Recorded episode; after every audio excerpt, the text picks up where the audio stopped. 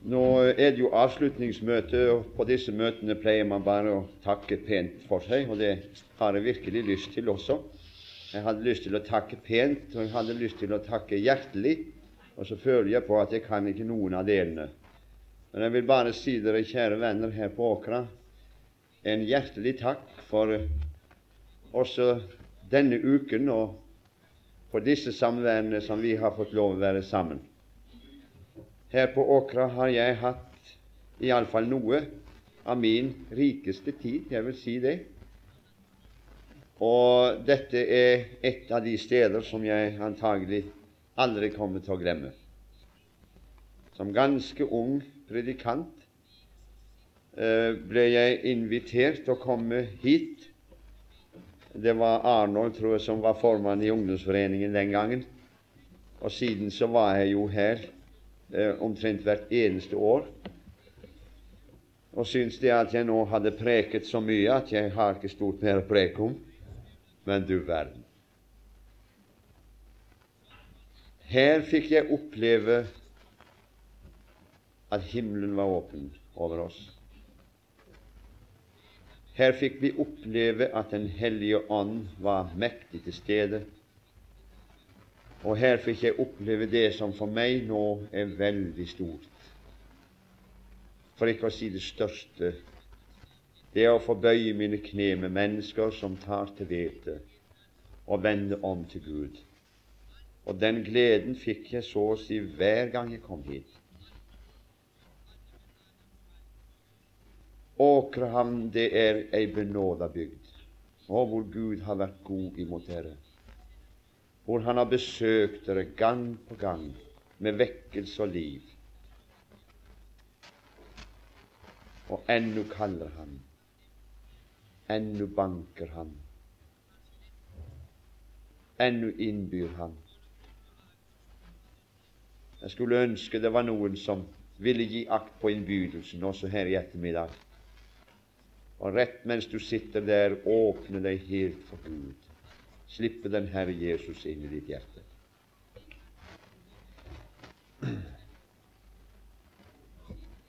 Så vil jeg takke dere venner som jeg har fått arbeidet sammen med på disse møtene. Takk til Aurebekk. Jeg tror han er her. Han er her. Til Arnold. De sier jo så. Det er Arnold. Altså det er Aurebekk. Ja, så det er Frøyland. Torvald. Jeg kan godt si det, for vi har vært såpass mye sammen. Og jeg kan godt si John òg. Han blir ikke fornærmet for det, folk. Det kan du lite på. Ja. Takk til dere kjære venner for at jeg fikk lov å være sammen med dere, og at vi har hatt det så godt i samarbeidet som vi også har hatt denne gangen. Og til alle dere kursdeltakere takk for denne tiden vi har hatt sammen. Jeg håper inderlig til Gud at det, at det ikke blir slutt på disse kursene, men at vi ennå må få fortsette å komme sammen. Det er så nødvendig, særlig i denne tiden som vi lever. Guds renselse, det har vi hatt fra første stund og inntil nå. Selv de som ingenting skjønner av alt sammen, Min venn, du er under Guds renselse, og det har du vært hele denne uken. Kanskje mer enn noen andre uker i året. Det der å få koble ut radio, TV ser jeg bitte lite, det har vi ikke. Eh, ikke en avis har jeg lest denne uken. her. Det er som vi er kommet eh, i en verden for oss selv. Og jeg synes det er vidunderlig, for ellers så er man så opptatt med denne verden og med disse jordiske ting at det, det av og til man, man, kan begynne å spørre pikker det liv i deg i hele tatt. Det er fælt. Så når vi da kan koble ut alt dette og sitte med en åpen bibel fra klokken ti på formiddagen og til langt utover kvelden det er, det er en renselse i ordet. Så du eh, eh, kunne nesten si du hadde ikke lyst til en, en syndig lyst. Nei. Og du blir tatt vekk ifra dette og så inn under Guds direkte påvirkning av ordet. Så for meg har det vært aldeles vidunderlig. Nå er det en eh, et ord jeg bare har ganske kort lyst til å minne om. Det er den 23. salme og det første vers. Er det mange av dere som vet hva som står der? Vil De være så snille å rekke opp hånden sin? Erland påstår at alle Nå skal vi ikke ha noe hykkelskap her. Vil De være så snille å rekke opp hånden, alle de som vet hva som står i Salme 23? Det er ingen skam om du ikke rekker opp hånden din, altså. Nei da. For du, jeg vet at alle kan det. Det var bare det du ikke visste det sto der. Men nå skal du få greie på det. Det er der det står, skjønner du. I Salme 23,1 er det ordet står, som alle kan. Det var bare det de visste ikke det sto akkurat der. Herren er min hyrde. Meg fattes intet. Glem det ikke. Det står i Salme 23,1 så du kan lese det ordrett når du kommer hjem. Og jeg skal bekjenne med en gang at det er tross alt det sværeste vitnesbyrd jeg har hørt. Og det er mest så jeg hadde fristes til å spørre David, for det er jo han som avlegger dette vitnesbyrdet. Tar du ikke munnen litt for full nå, David? Er du med dine fulle fem? Du er da en mann av kjøtt og blod som jeg og du levde i en verden som stort ikke var bedre enn den vi lever i. Mener du for ramme alvor meg fattes intet? Jeg vet ikke om han hadde blitt fornærmet på meg, eller om han hadde blitt såret fordi jeg dro hans ord og vitnesbyrd i tvil men han mener det av et fullt og helt hjerte. Meg fattes intet.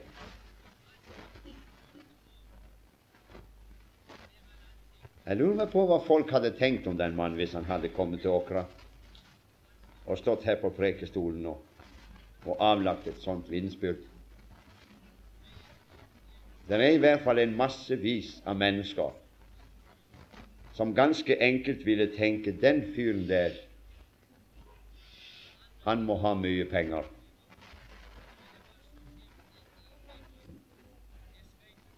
Hvis han ikke har mye penger, så kan han nok riktignok si det, men det er bare hykkelskap. For du skjønner, for enkelte mennesker så består deres rikdom i verdens, gods og gull og penger. Så hvis man bare har plenty money, you know Nei, nå må jeg snakke norsk. Så kan man saktens stå frem og si 'meg fattes intet'. Jeg tror David hadde mye penger. Men det var i hvert fall ikke på penger han begrunnet sitt vitnesbyrd når han sa 'meg fattes intet'. Har du møtt folk som har masse penger? Jeg har. Jeg har vært inne i hjem mange millionær, sier man. Jeg skal betro denne forsamling at jeg har første gangen til gode å møte en millionær som sier 'meg fattes intet'. For pengenes skyld, vel å merke. Hør nå. Jeg vet om millionærer som sier 'meg fattes intet', men de begrunner det ikke på at de har mange penger. Hvordan kunne det da sitte en eller annen i denne forsamling som mener at han noen tid skal bli så rik på verdens gods og gull at han skal kunne gå omkring og si 'meg fattes intet'? Min venn, du kan bare bli fortrolig med å gå i graven. Du får aldri oppleve det å bli så rik som David, som sier 'meg fattes intet'. Det han begrunner sitt vitnesbyrd på, det er nemlig 'Herren er min hyrde. Og hvor mange det er i denne forsamling som kunne stå opp og vitne og si Herren er min hyrde. Dermed er det ikke sagt at man av hele sitt hjerte kunne føye til meg fattes intet. Men du skal ikke gråte for det, min venn. Du eh, føler og synes ofte at du fattes så mye, ikke sant? Men det faktiske forhold er hvis Herren er din hyrde, så er det ikke noe som fattes deg, skjønner du. Enten du kan si det eller ei, det spiller ingen rolle. For det faktiske forhold er det fattes intet hos dem som kan si 'Herren er min hyrde'. Bare godt og miskunnhet, ikke noe annet enn bare godt og miskunnhet skal efterjage meg alle mitt livs dager. Ja, hvor mange er ikke blitt anklaget og anfektet over det ordet?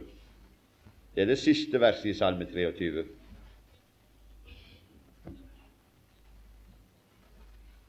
Der ser du, sier det. Det er mennesker som lever så godt med Gud som noen kan leve godt med Gud.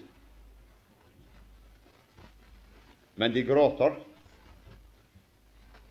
for de sier det er ikke rett fatt med meg, for jeg kan ikke stå frem og si at det er bare godt og miskunnhet som har efterjaget meg, eller som efterjager meg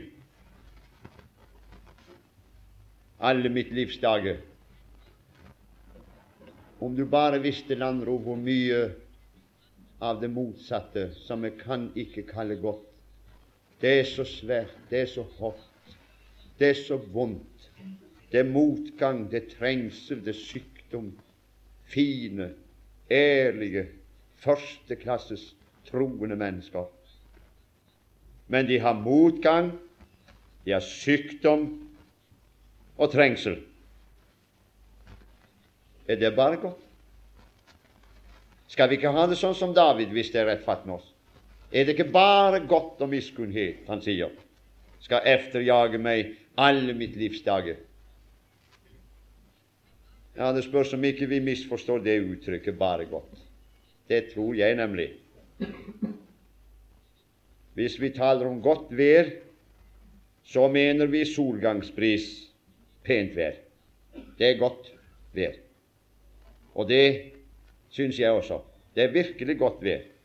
Så nå begynner sommeren, folk. Nå skal dere få godt vær fra i dag av. Solgangsbris, pent vær for resten av året. Det skal bli skjønt. Ha?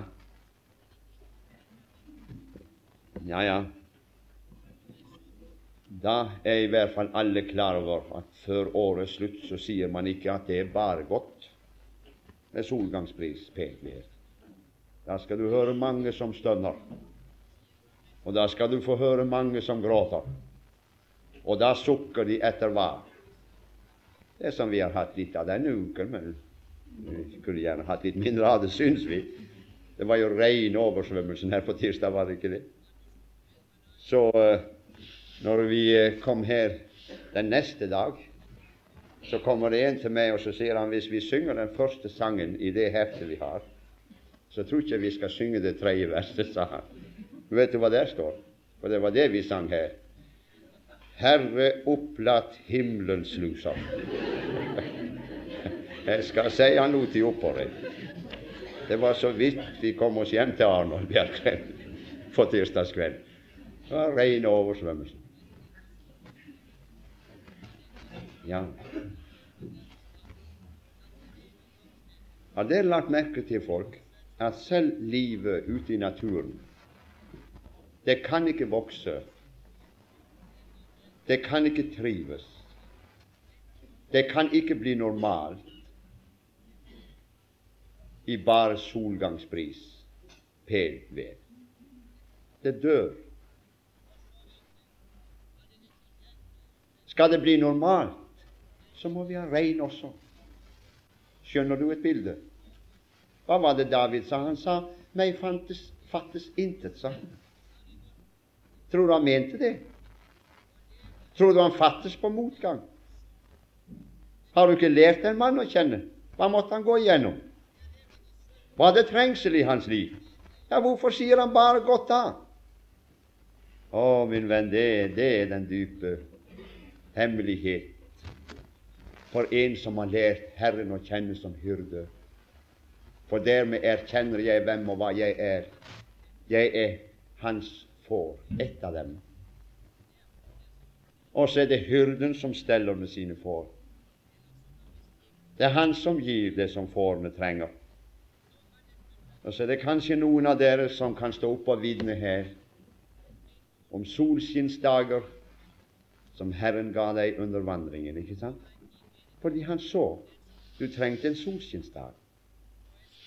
Det åndelige livet ditt trengte det. Men så visste du ikke av, for så snudde været om, og så ble det mørkt. Og så falt regnet i strie strømmer i form av tårer på ditt kinn. ikke sant? Så stengte du det kanskje inne for deg selv, for du måtte få gråte ut. Så det fæleste det var at du trodde Gud hadde glemt deg, og Gud hadde forlatt deg. Og så var det Han som beregnet hver dag solskinn, regn, for at det ikke skulle fattes deg noe. Det åndelige livet, det vi har fått ved troen på Jesus Kristus, som skal vokse, trives, bli normalt, så man sørger for at det ikke er noe som fattes. Nå skjønner du det sikkert litt bedre. Fordi det kom fra Herren, så kalte han selv det som ikke smakte godt. Det er en dyp hemmelighet. Men han kalte det for bare godt, fordi det kom fra ham. Det er hyrden som steller med meg. Nå vel, dette har sikkert en enda dypere mening hvis vi eh, ser nå i Romerbrevet i det åttende kapittel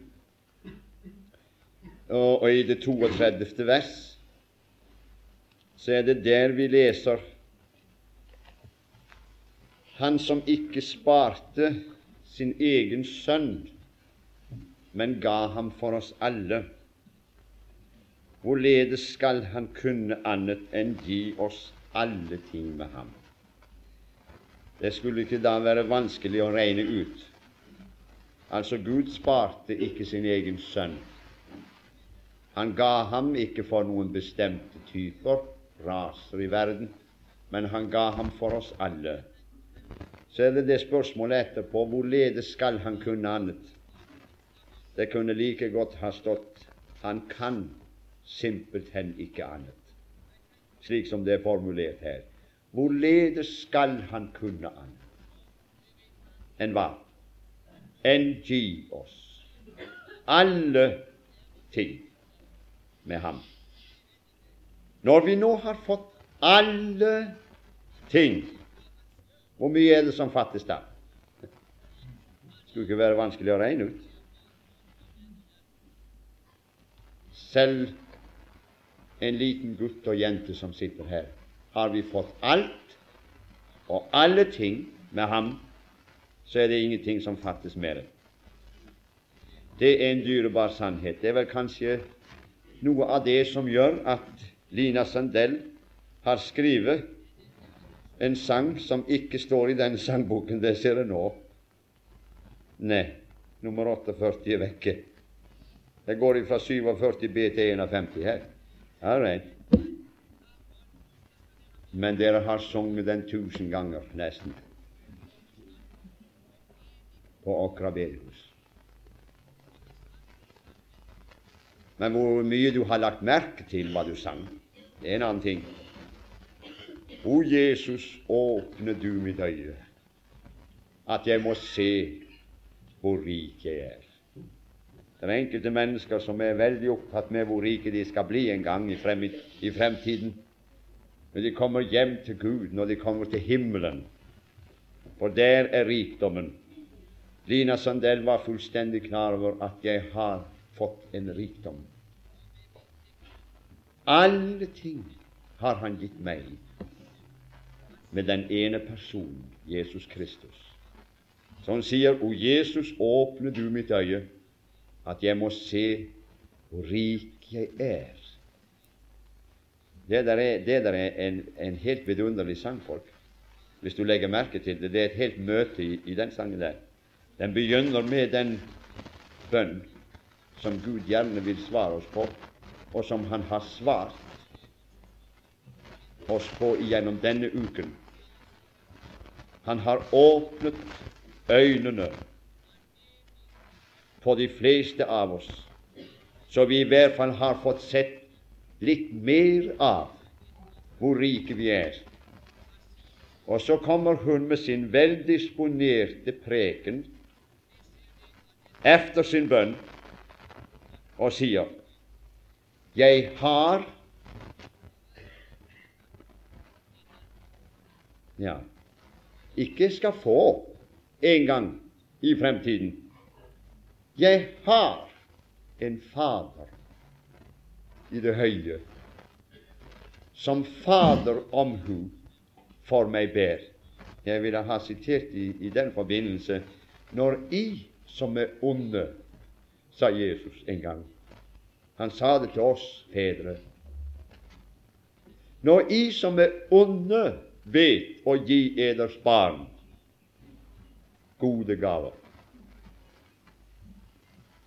hvor meget mere skal så ikke Faderen gi sine barn, og de sitter her,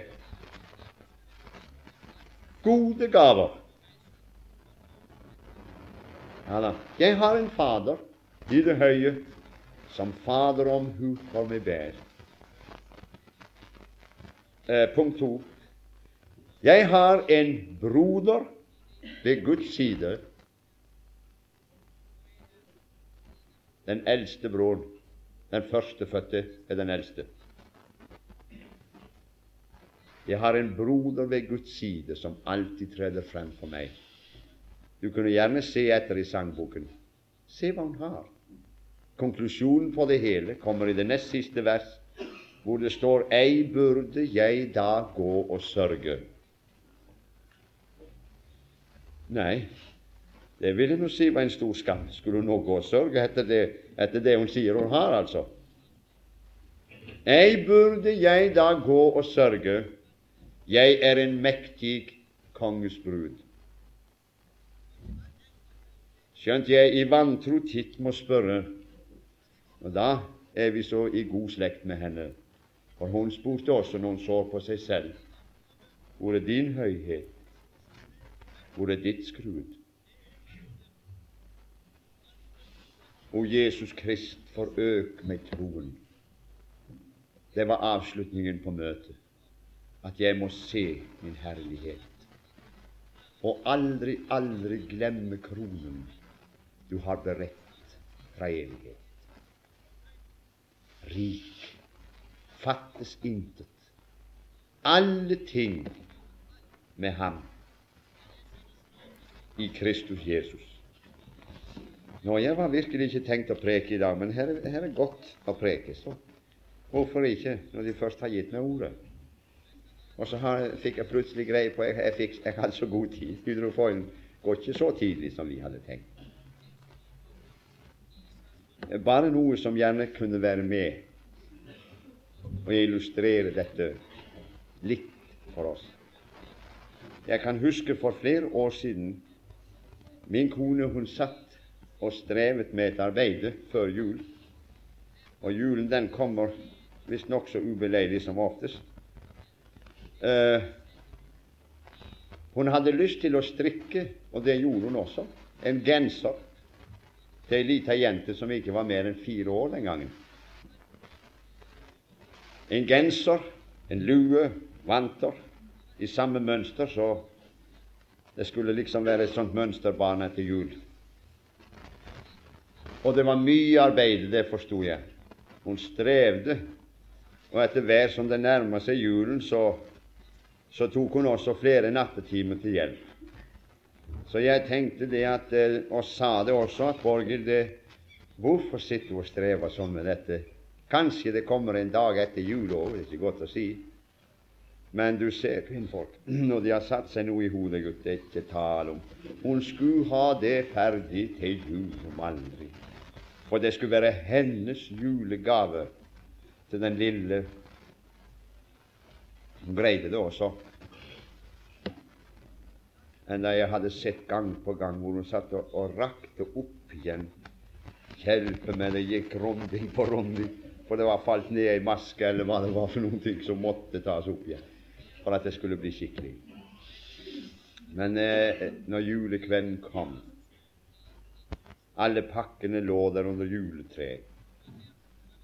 Strålende barneøyne, jubel, glede, som det er på julekvelden. Så tenkte jeg bare det ikke det blir gråt før det ender, dette her. Hun hadde strevet, Borghild. Hun hadde virkelig strevet, og regnet naturligvis med at skulle, hun skulle få noe igjen for sitt strev. Og det er for oss å se øyne som stråler av glede, og hvor vi foreldre er tilfreds når våre barn er lykkelige. Men jeg tenkte bare Borger ikke kommer til å gråte. Jeg er redd for det. Den pakken som hun hadde laget, det var ingenting som var så kostbart av alt det andre. For den kostet mye over 100 kroner. Og det var det ikke én annen pakke som gjorde. Det var bare noe småfritt. Så kom også den pakken. Men det, det var ingen jubel da. Når den lille fikk den pakken i hånd, så var det som luft. Bare kjente det var en sånn bløt pakke, så hun eh, la den ganske godt til side og ventet på neste. Hun gadd ikke å åpne den engang, og jeg så på Borghild, og jeg tenkte hvor skuffet du må være. Alt det du har strevet for å få denne pakken i stand. Og så gidder hun ikke den lille åpningen engang. Men så kom det straks en pakke til. vet du, Det er jo i haugevis nå for tiden. Det er ikke bare én med en halv appelsin og ti druer og den slags som vi fikk når vi var små, i en pose. Og det var eh, hun åpnet den Ja, for den kjentes mer interessant ut. Den var ikke bløt, den. Det hørtes ut som det var noe inni òg der. Så var det ei bitte lita dokkevogn. Så ut som det. Og så lå det et lite krek oppi som skulle se ut som ei dokke. Men det var så smått at og de hadde ikke greid å ta prislappen av heller, så den kosta 4 kroner og 80 øre. Men du skulle sett henne. Hun strålte opp og slo hendene sammen av begeistring og sa akkurat det som jeg ønsket meg. Å ja. Vel, vi venter ikke bedre av de små, gjør vi? Borger venter heller ikke noe bedre. Nei men hun visste bedre. Og det er at den pakken som du ennå ikke har brydd deg om, skal, det skal, komme vel med når du skal ut i kulda. Det skal varme deg godt. Den lille dokkevogna kommer ikke til å gjøre stort for deg heretter. Dere, vi venter ikke mer av små barn. Men dere, når jeg reiser omkring og møter voksne, vetige, intelligente mennesker som steller seg just som små barn. Dere, da kan du gråte. Og hva Gud må se og tenke om dem. Så har Gud elsket verden at han gav sin sønn. Og så går de her, og så er de så opptatt med leketøy. Ja, jeg vil si leketøy. Går til de stuper for å få mere leketøy.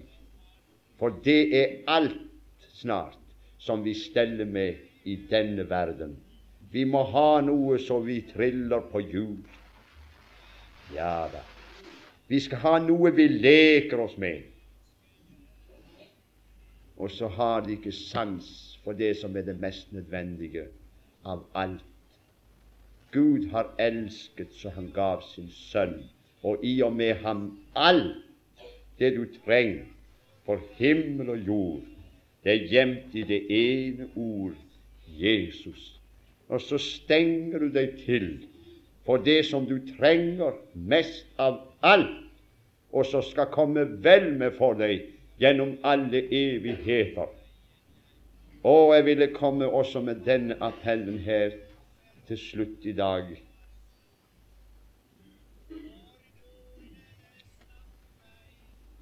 Om jeg eide alt, men ikke Jesus, og i hele verden intet mer. O, så eier jeg dog alt i Jesus, Han som liv og overflod meg gir. Om jeg eide alt, men ikke Jesus, tror du det var nok å stole på? Kunne dette hjertet tilfredsstilles med de ting som skal så snart få gå? Om jeg hadde alt, men ikke Jesus, å, hva vinning var det for mitt vel? Hva er hele verden mot å eie fred med Gud og frelse for min sjel? Om jeg eide rikdom, makt og ære, og blant mennesker et æret navn, men ei noe håp for evigheten, for seilasen ingen sikker havn om jeg eide alt, men ikke Jesus og hans kjærlighet til korsets død. Og hvor hen i hele vide verden skulle jeg da fly i dødens nød? Min ufrelste venn, jeg håper du ser hva du trenger. Du trenger frelse fremfor noe annet. Ta imot den Herre Jesus gjør det. Vi takker deg, Gud, for disse dagene vi fikk sammen om ditt velsignede ord. Vi takker deg, Herre, for din Hellige Ånd som har vært hos oss og med oss, og som har ledet ditt ord og åpnet det for oss. Så det har vært i sannhet en Guds renselse. Takk for det du har vist oss, Herre. Vi skjønner at vi er rike Gud, og jeg er lykkelig og takknemlig til deg, gode Gud og Far i himmelen. Gi at jeg nå ikke bare var av disse som æret deg med levende, men at jeg måtte kunne vise det i liv og i gjerning hvor takknemlig jeg er. Når jeg møter mine medmennesker i det daglige liv. Å Gud, måtte de skjønne og forstå at jeg eier en fred, en glede i Herren, som overgår noe av det som verden kan by. Herre, velsign alle dem som jeg har fått lov å være sammen med i disse dager her på kurset, og jeg har lyst til å be deg særlig for ham eller henne som sitter her uten Jesus. Herre, hjelp dem nå og her til å åpne sitt hjerte for ham. Amen.